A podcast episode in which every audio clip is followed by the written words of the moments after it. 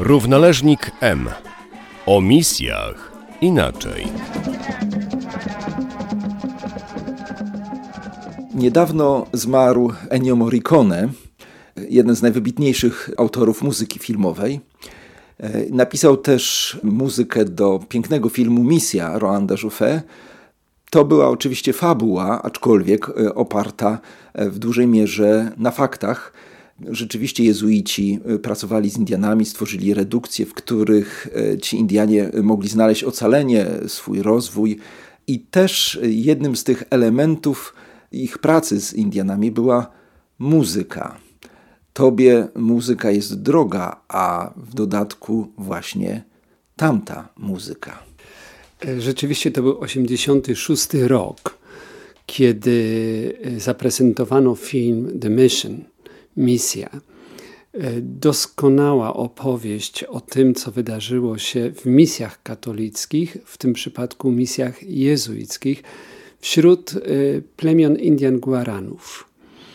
I film zasłynął y, najpierw z tego powodu, że sama puenta, sam, sama ta opowieść, powiedzmy, ona była wzruszająca, bo z jednej strony pokazuje autentyczną postawę misjonarzy, którzy uważają swoją pracę jako dzielenie się wiarą, ale także obronę godności i kultur Indian, do których przyjeżdżają e, z własną kulturą, z, własną, z własnym credo.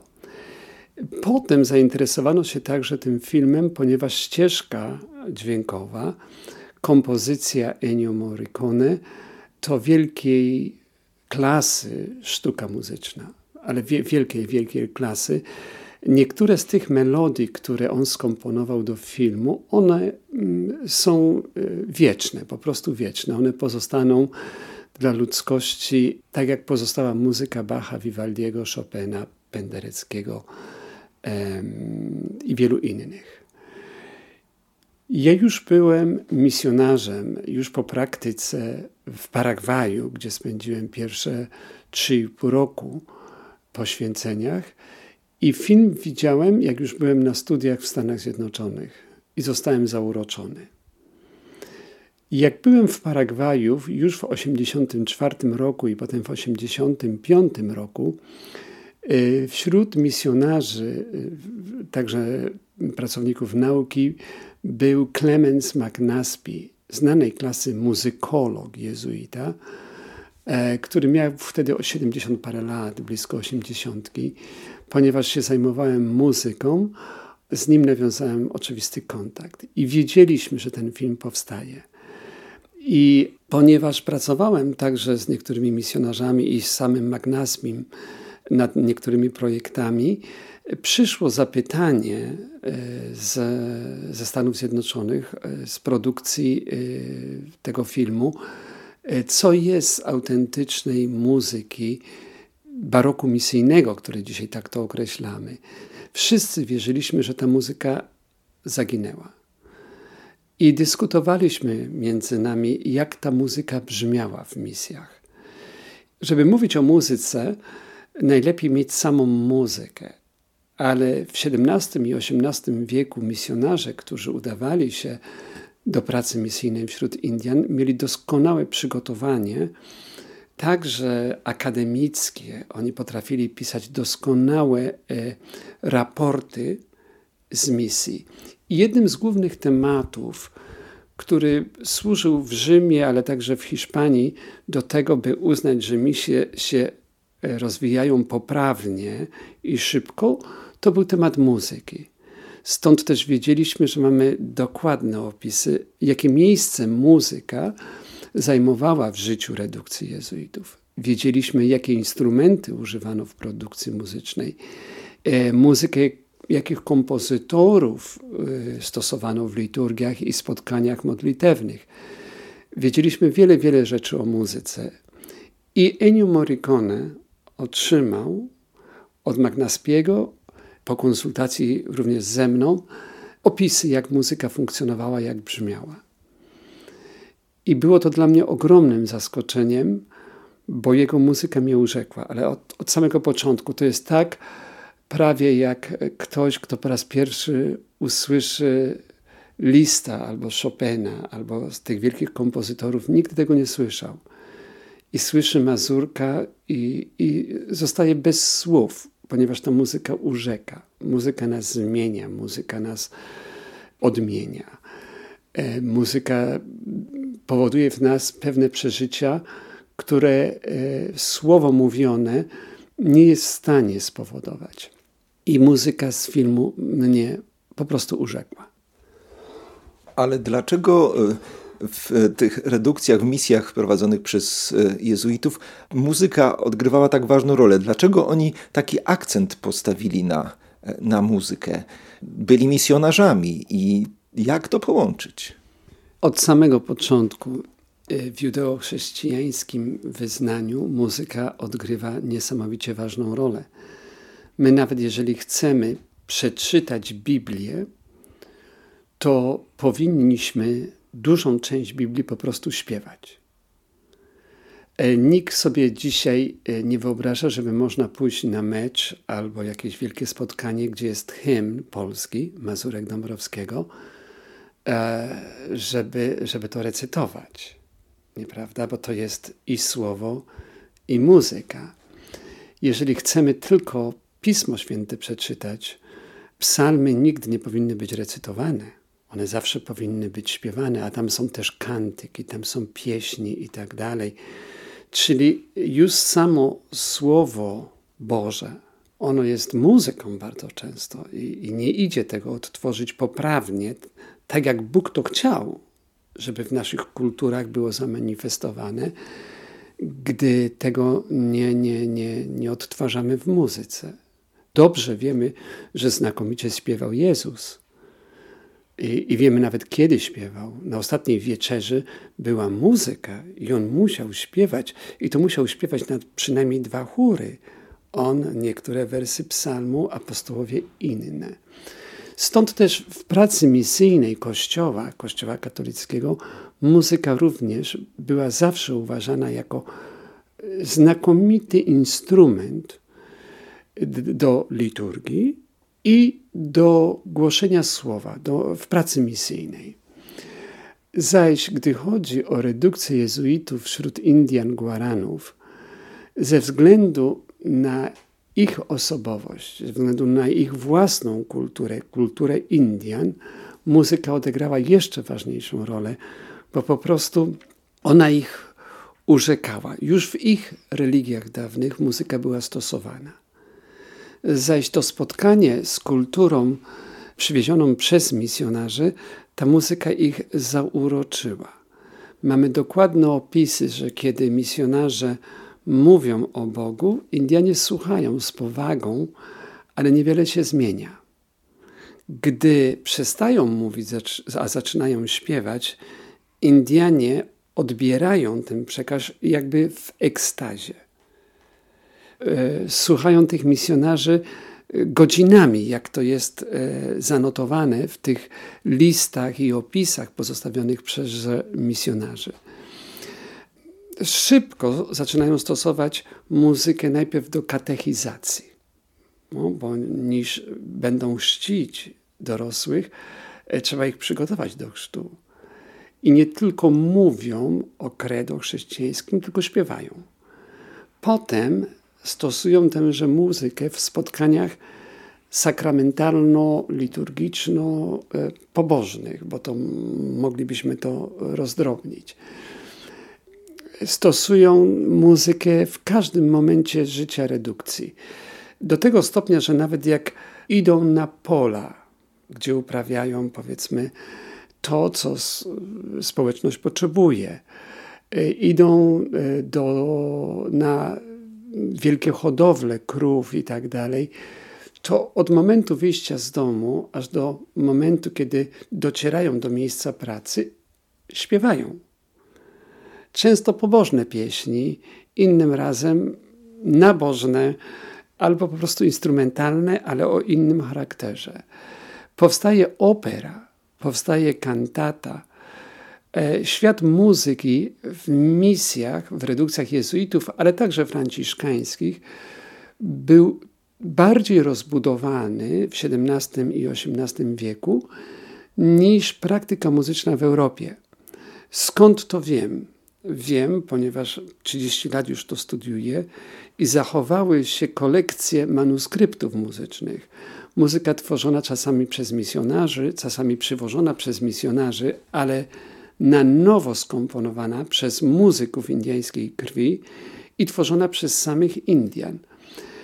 Pojawienie się nowej muzyki w redukcjach nie oznaczyło, nie, nie znaczyło, że muzyka autochtoniczna musiała zaniknąć. Ona do dzisiaj przetrwała, oczywiście nie w takim wymiarze, jak to było w XVII czy w XVIII wieku. Jedynie co uległo zmianie, że kiedyś muzyka autochtoniczna miała monopol na wszystko to, co życie muzyczne oznacza w życiu społeczności. Od czasu pojawienia się nowej muzyki, e, ta nowa muzyka ma jakiś wpływ, ograniczony wpływ, ale ma wpływ na muzykę autochtoniczną, zaś muzyka autochtoniczna ma wpływ na muzykę europejską, bo Indianie nigdy nie chcą, nigdy nie chcieli być kopią produkcji muzycznej z Europy. Im się niektóre rzeczy podobają, inne mniej, a więc na nowo komponują to, co przywieziono z Europy. I tak doszło do powstania nowego stylu baroku muzycznego, a mianowicie barok misyjny. I e, muzyka nie tylko odegrała tak ważną rolę w okresie pierwszej ewangelizacji, ale ona do dzisiaj taką rolę ważną na tymże terenie odgrywa. I ta muzyka została zachowana do tego stopnia, że e, w XX wieku, w latach 60., 70., nawet 80., na terenie Amazonii Boliwijskiej powstają nowe wspólnoty. Nowe wspólnoty w środku dżungli. Indianie tak bardzo uznają tę muzykę z okresu pierwszej ewangelizacji jako ich tożsamość kulturowa, ale także religijna, że e, jak powstaje nowa społeczność, to ci, którzy będą zajmowali się muzyką w tejże społeczności, przemieszczają się na jakiś czas, na kilka tygodni, miesięcy, do miejsc, gdzie ta muzyka jest zachowana i w latach 70. i 80. ręcznie kopiują muzykę XVII i XVIII wieku, bo społeczność Indian Moho nie jest społecznością Indian Moho, jeżeli brakuje tejże muzyki. Także muzyka i ewangelizacja, szczególnie na terenie Ameryki, to jest prawie że synonim. Nie ma ewangelizacji bez muzyki i muzyka również e, ma ten, ten wymiar taki bardzo misyjny. Ona prowadzi do nawrócenia, ona prowadzi do lepszej e, relacji z Bogiem i wytwarza także we wspólnocie doskonałe poczucie jedności. Żadna inna czynność nie ma takiej mocy, by wytworzyć jedność we wspólnocie, jaką ma muzyka i szczególnie ta muzyka, która tam powstała. Jednym z tematów filmu Misja jest kasata jezuitów. Jezuici muszą opuścić e, redukcję. Kończy się też ten film takim bardzo poruszającym momentem, jak e, mały nagi chłopiec e, odchodzi z tej redukcji, niosąc skrzypce. To takie może rzucenie nadziei e, w przyszłość, bo zawsze z dziećmi związana jest przyszłość. Natomiast e, moje pytanie jest o dalsze e, losy twórczości tej muzycznej. Mówimy XVII, XVIII wiek. Potem ta muzyka została ukryta, czy została kontynuowana. Wiem, że ty niechętnie mówisz o, o tym swoim, o swoich zasługach dla tego reaktywowania, powiedzmy, muzyki baroku misyjnego. Natomiast rozmaite nagrody i uznanie, jakim się cieszysz w świecie muzycznym, to na pewno pokazuje Twój wkład również w to, połączenie tego, co było kiedyś, z tym, co może być e, tworzone dzisiaj. Sam fenomen redukcji i muzyki w redukcjach to nie była własność jezuitów albo misjonarzy. Geniusz polegał na tym, ta, ta nowa wizja ewangelizacji mm, zastosowana w XVII i XVIII wieku polegała na tym, że w cudzysłowie właścicielami nie, Y, tymi, którzy posiadali cały ten fenomen misji, to nie byli misjonarze, tylko misjonowani. Sami Indianie. Stąd też oni odczuwali od samego początku, że to jest nasze. Że mimo, że kościoły, które tam budują, to są kościoły według pewnego rysunku któregoś z architektów, jezuitów, braci, y, kapłanów, mimo że instrumenty, które przywożą i rysunki instrumentów, jak je budować, te instrumenty, które z Europy zawieźliśmy do, do Ameryki, to jest coś nabytego, to jest coś, co, co przywożą misjonarze. Indianie y, szybko uczą się tychże wzorów i dodają jakby do zupy dosypać sól, pieprz, zioła i tak dalej że zupa bez tego jest niby zupą, ale ona nie smakuje. To nie jest moja zupa. I to jest znowu tylko porównanie, i przepraszam, że takie porównanie e, daję, ale po prostu ono pomoże nam zrozumieć, e, co chcę powiedzieć. E, że ten barok, gdy chodzi o architekturę, o muzykę, sposób skonstruowania życia społecznego, on ma dużo do czynienia z Europą, ale ma też duży wkład Indian. I oni to uważają jako swoje własne. Stąd też nawet siłowe wyrzucenie misjonarzy z ich wiosek, z tych wiosek misyjnych, nie spowodowało zawalenie się tego projektu, albo koniec, albo odrzucenie.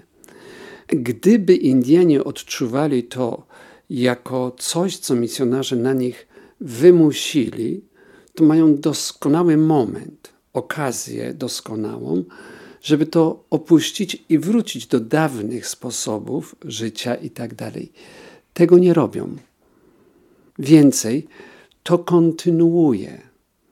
Nawet jeżeli 100 lat później nie ma misjonarzy, ekonomia już jest słaba i tak dalej, i, i, i potrzeba coś e, naprawić i tak dalej, Indianie się bronią. Być może kolumny, na których zawieszano e, dachy tych potężnych kościołów, one już nie są tak doskonale e, wykonane i to nie ze względu na, na, na, na inne przyczyny, jak słabą ekonomię, ale Indianie nie pozwalają, żeby to się zawaliło. Więcej, Świątynia jest świątynią, jeżeli wejdziemy i tam będziemy się modlić. To wtedy jest ona bardziej świątynią. Muzyka jest muzyką nie jak jest na papierze, tylko jak ktoś ją śpiewa, ktoś gra na instrumencie i tak dalej. Indianie to zachowali. Nawet w XXI wieku w wielu tych wioskach modlitwy są jak w XVIII wieku. To nie zaniknęło. Tak jak dokonało się to utożsamienie, ale to utożsamienie się znowu dokonuje, ponieważ jest te, te składniki Indian dodane. Tak samo, samo sama praca misyjna, przekaz wiary, został jakby przejęty przez laikat, przez samych Indian, gdzie matka, gdzie ojciec, dziadek i tak dalej, gdzie cała społeczność czuwa nad tym, żeby duch Ewangelii i czystość przekazu nie zostały zachwiane. Oczywiście nie sprawują Eucharystii, ale to nie znaczy, że w niedzielę nie ma spotkań modlitewnych. I nawet do tego stopnia te modlitewne spotkania niedzielne są, spra były sprawowane i są sprawowane, że śpiewają części stałe mszy po łacinie e, w układzie polifonicznym chór i orkiestra i e, przy ołtarzu nie ma nikogo, ale ktoś czyta Pismo Święte. E, są te części, które można zaśpiewać, ale nie ma konsekracji chleba i wina. Nie ma komunii świętej, ale jest tym pokarmem, tym pokarmem, e, no, który my we mszy również mamy. To jest Słowo Boże i to jest spotkanie modlitewne, gdzie dwóch albo trzech gromadzi się w moim, w moim imieniu. Tam ja jestem pośród nich. I Indianie to zachowali. Było spotkanie z Chrystusem, chociaż nie było sakramentu Eucharystii. I e, w kilku momentach można, można to spotkać. Stąd też to nigdy nie zanikło, ponieważ oni przekształcili swoje życie w życie misyjne, w ofiarę. Moje życie daję Tobie na ofierze. Ja bym to tak ujął. Stąd też kopiują tenże muzykę do naszych czasów, utrzymują e, modlitwy tak, jak one były spisali kazania z XVIII wieku jak były większe święta, nie, nie było misjonarza, to znowu ten, który cieszy się największym takim autorytetem, ale też e, ze względu na to, że jest nie tylko roztropny, ale świadectwo życia, świadectwo wiary, które można spotkać w manifestacjach e, życia tego, tego człowieka, to właśnie on odczytuje to kazanie. I można by to mnożyć i mnożyć. Ale to jest najlepszy kościół, który należy nie do stanu duchownego, tylko do ludu, a stan duchowny wypełnia swoją misję, którą powinien, powinien wypełniać. Misje przetrwały dzięki zdrowemu rozsądkowi, dzięki głębokiej wierze, wierze, dzięki przekazowi i dzięki temu, że zachowano kulturę misyjną. To jest ogromnie niebezpieczne w jakiejkolwiek społeczności, jeżeli zaczniemy manipulować tym wszystkim, co jest kultura. Bo nie tylko wiara zaniknie, ale zaniknie rodzina i, i wiele innych czynników, które świadczą o naszej tożsamości, które pomagają nam w życiu.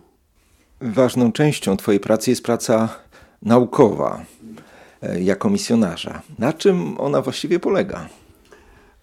Największą taką pasją w moim życiu to jest dokształcanie mnie samego w archiwach. Ci, którzy trochę bliżej mnie poznali, wiedzą, ile godzin ja mogę spędzić czytając, czytając dawne dokumenty w różnych językach, w różnym stanie, e, manuskrypt i tak dalej, często rekonstruując to, przypadło mi coś, co, co jest niesamowite, co jest darem od samego Pana Boga.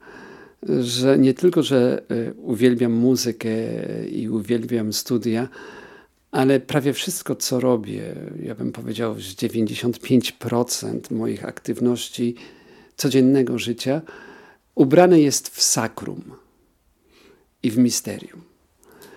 I ta moja praca naukowa to jest także moja modlitwa. Zawsze e, mam na biurku coś życia, misji i muzykę sakralną. Ja rekonstruuję manuskrypty. Najstarsze, jakie rekonstruowałem, to one są z XVI wieku.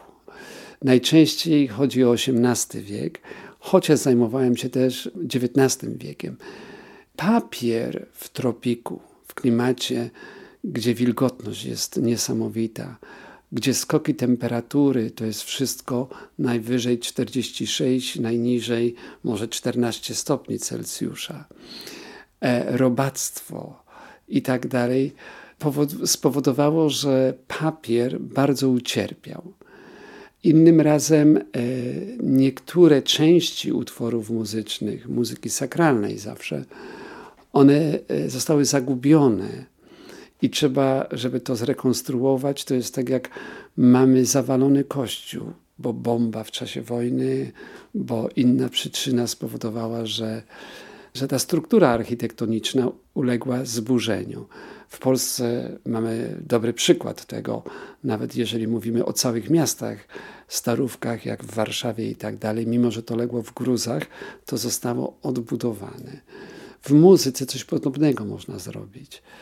I ja tym się zajmuję. I gdyby nie to, że od dziecka byłem także w muzyce, bo miałem 6 lat i już umiałem czytać, lepiej, lepiej czytałem nuty niż tekst, to gdyby nie to, że byłem w muzyce, to pewnie bym spędził resztę życia w archiwum e, i w bibliotekach, bo to mnie pasjonuje.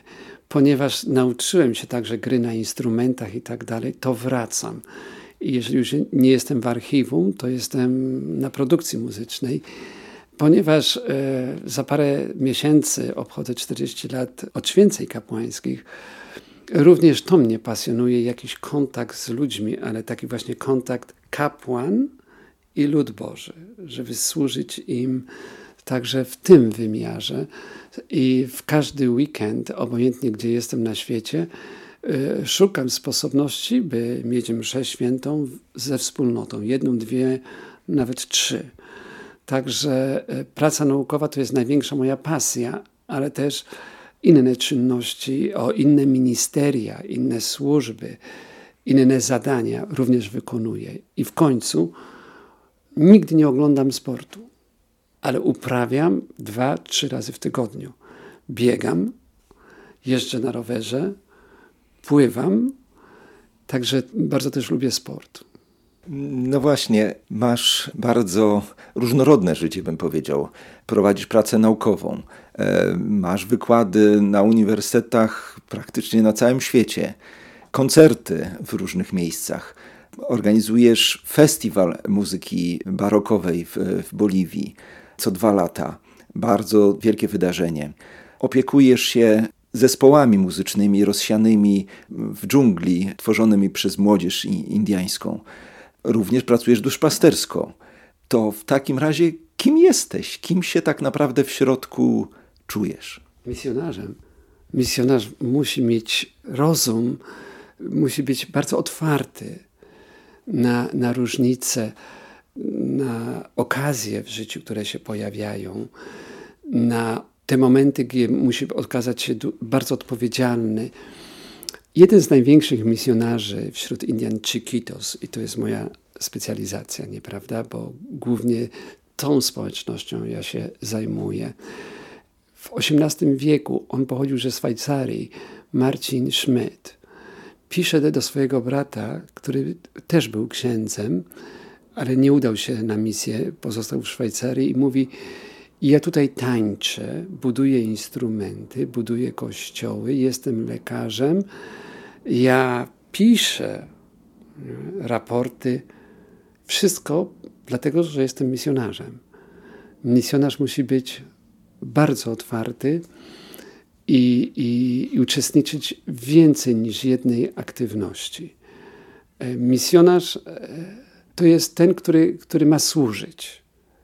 A jeżeli ja mam służyć, to od czasu, czasu do czasu będę potrzebował kogoś, kto nie rozumie muzyki, a ja muzykę rozumiem. I y, uczę, ale również się uczę od drugiego. To nigdy nie jest tak w moim życiu, że jestem tylko wykładowcą. Ja się dzielę pewnymi spostrzeżeniami, pewnymi wiadomościami i tak dalej, ale automatycznie muszę otworzyć się na tego, z kim się dzielę.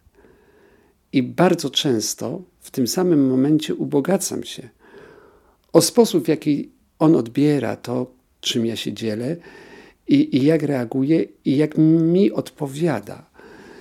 Stąd też pasjonujące życie. Być misjonarzem to jest, to jest wielka łaska. To jest wielka łaska i Panu Bogu dzięki za takie powołanie, że człowiek może służyć drugiemu na wielu działkach, na wielu, na wiele sposobów. E, jestem misjonarzem, ale sportowcem, pracownikiem naukowym, wykładowcą, artystą, kapłanem przy ołtarzu, kapłanem, który głosi kazania. Także e, gdyby Pan Bóg dał mi jeszcze raz e, taki dar powołania, na pewno po raz drugi zostałbym misjonarzem.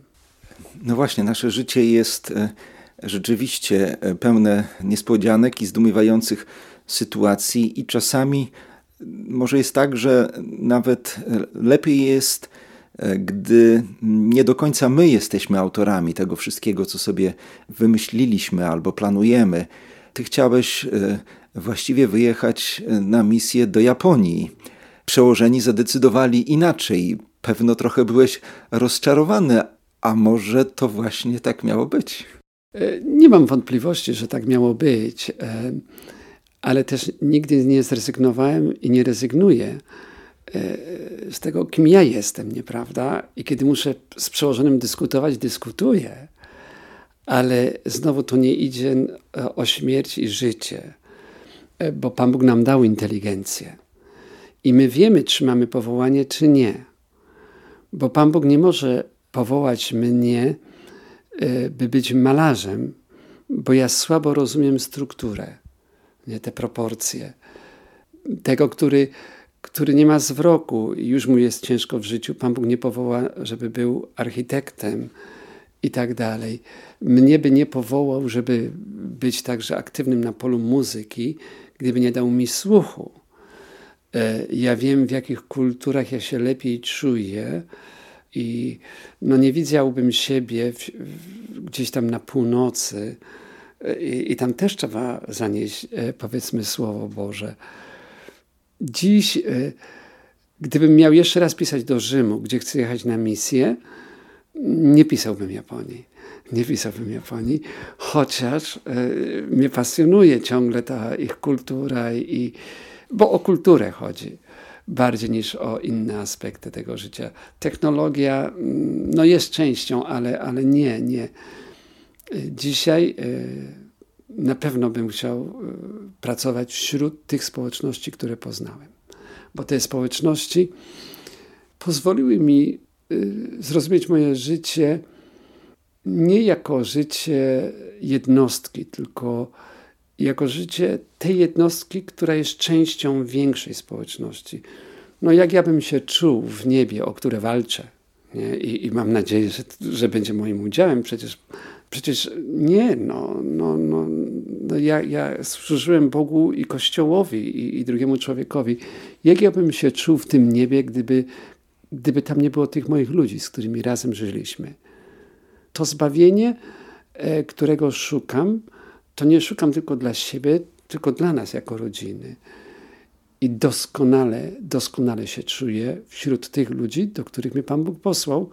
Przełożeni wtedy otrzymali trochę więcej łaski od Pana Boga niż ja, no ale innym razem zostaję przy swoim, że, że ja jednak muszę koncentrować się na tym, co Pan Bóg mi podpowiada przez te dary Ducha Świętego, którymi mi dał. I jednym z tych to jest właśnie ten, ta roztropność, nieprawda?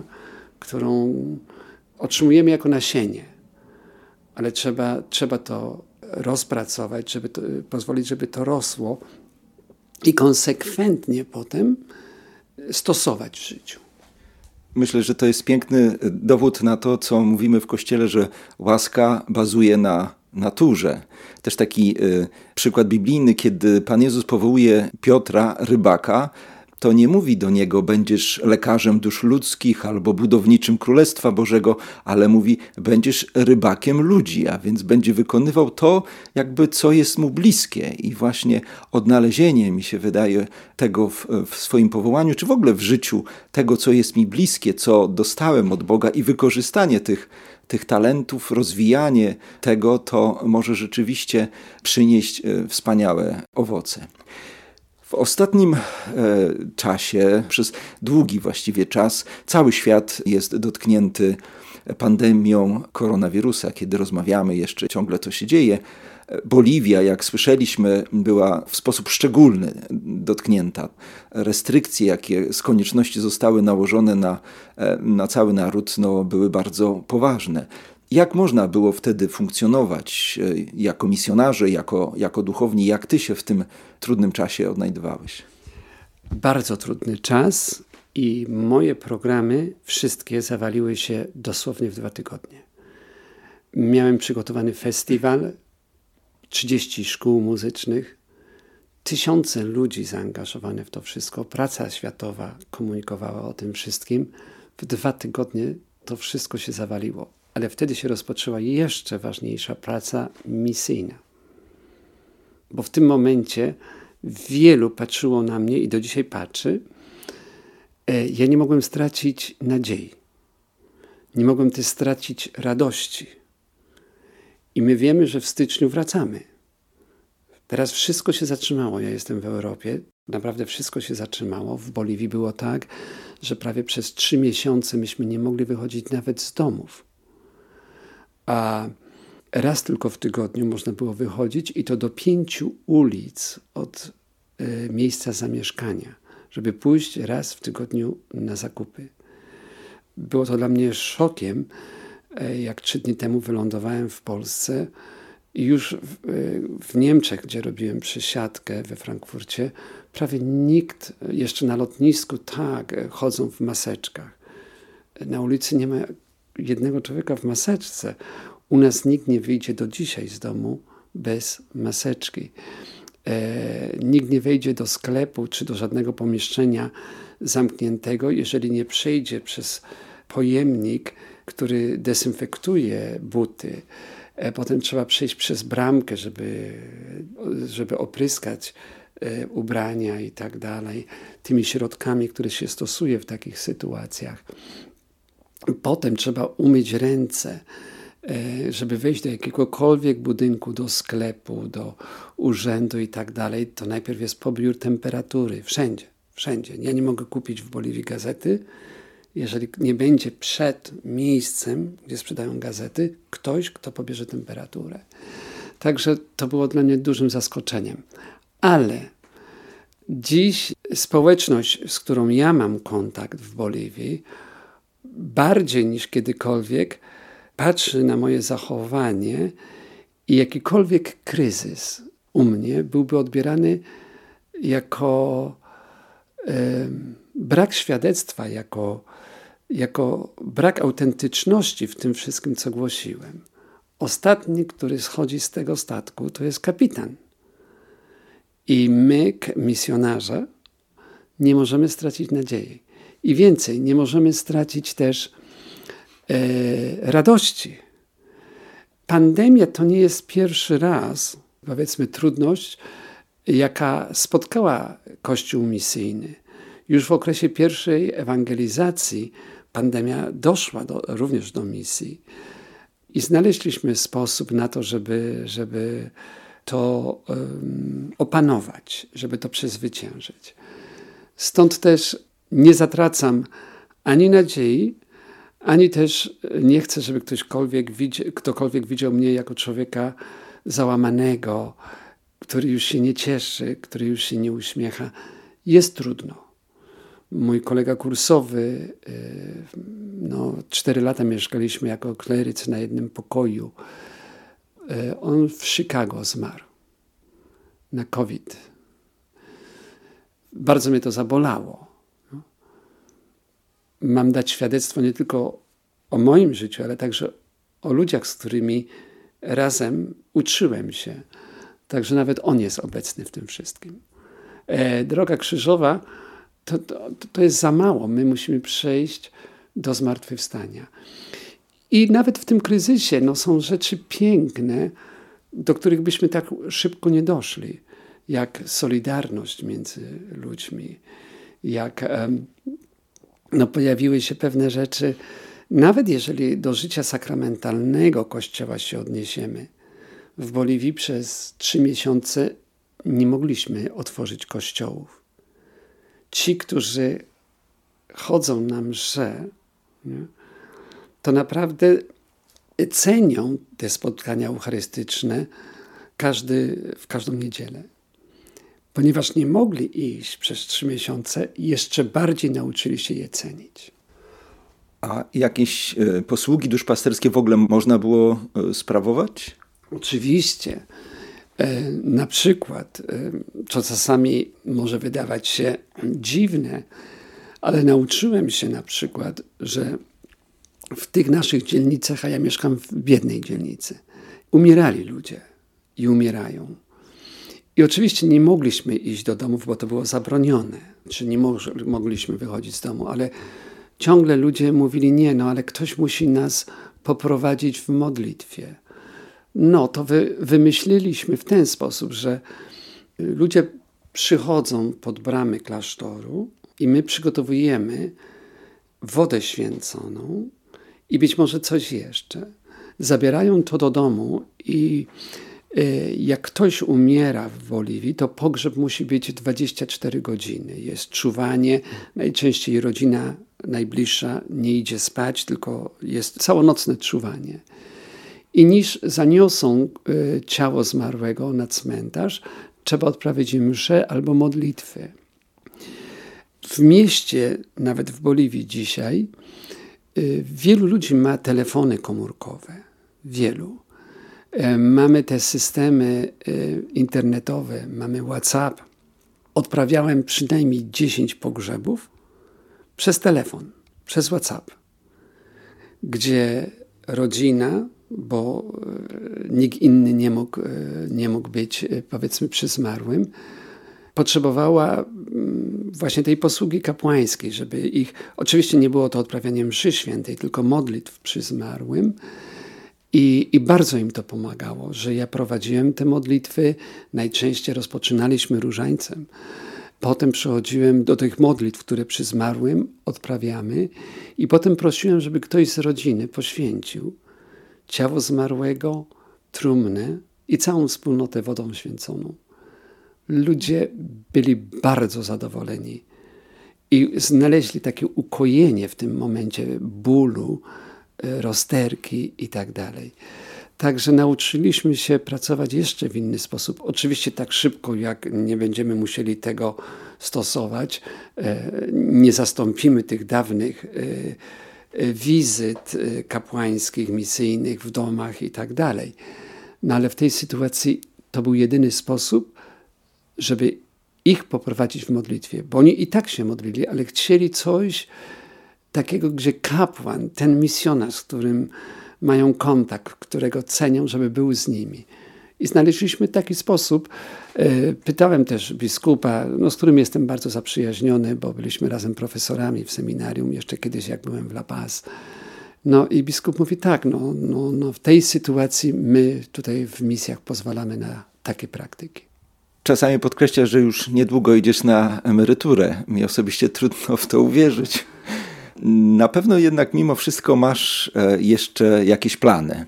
E, mówiłeś dużo o nadziei, więc właśnie jaka ona jest? E, nadzieja to jest taka, że chcę pracować do ostatniego momentu mojego życia, jeżeli Pan Bóg pozwoli.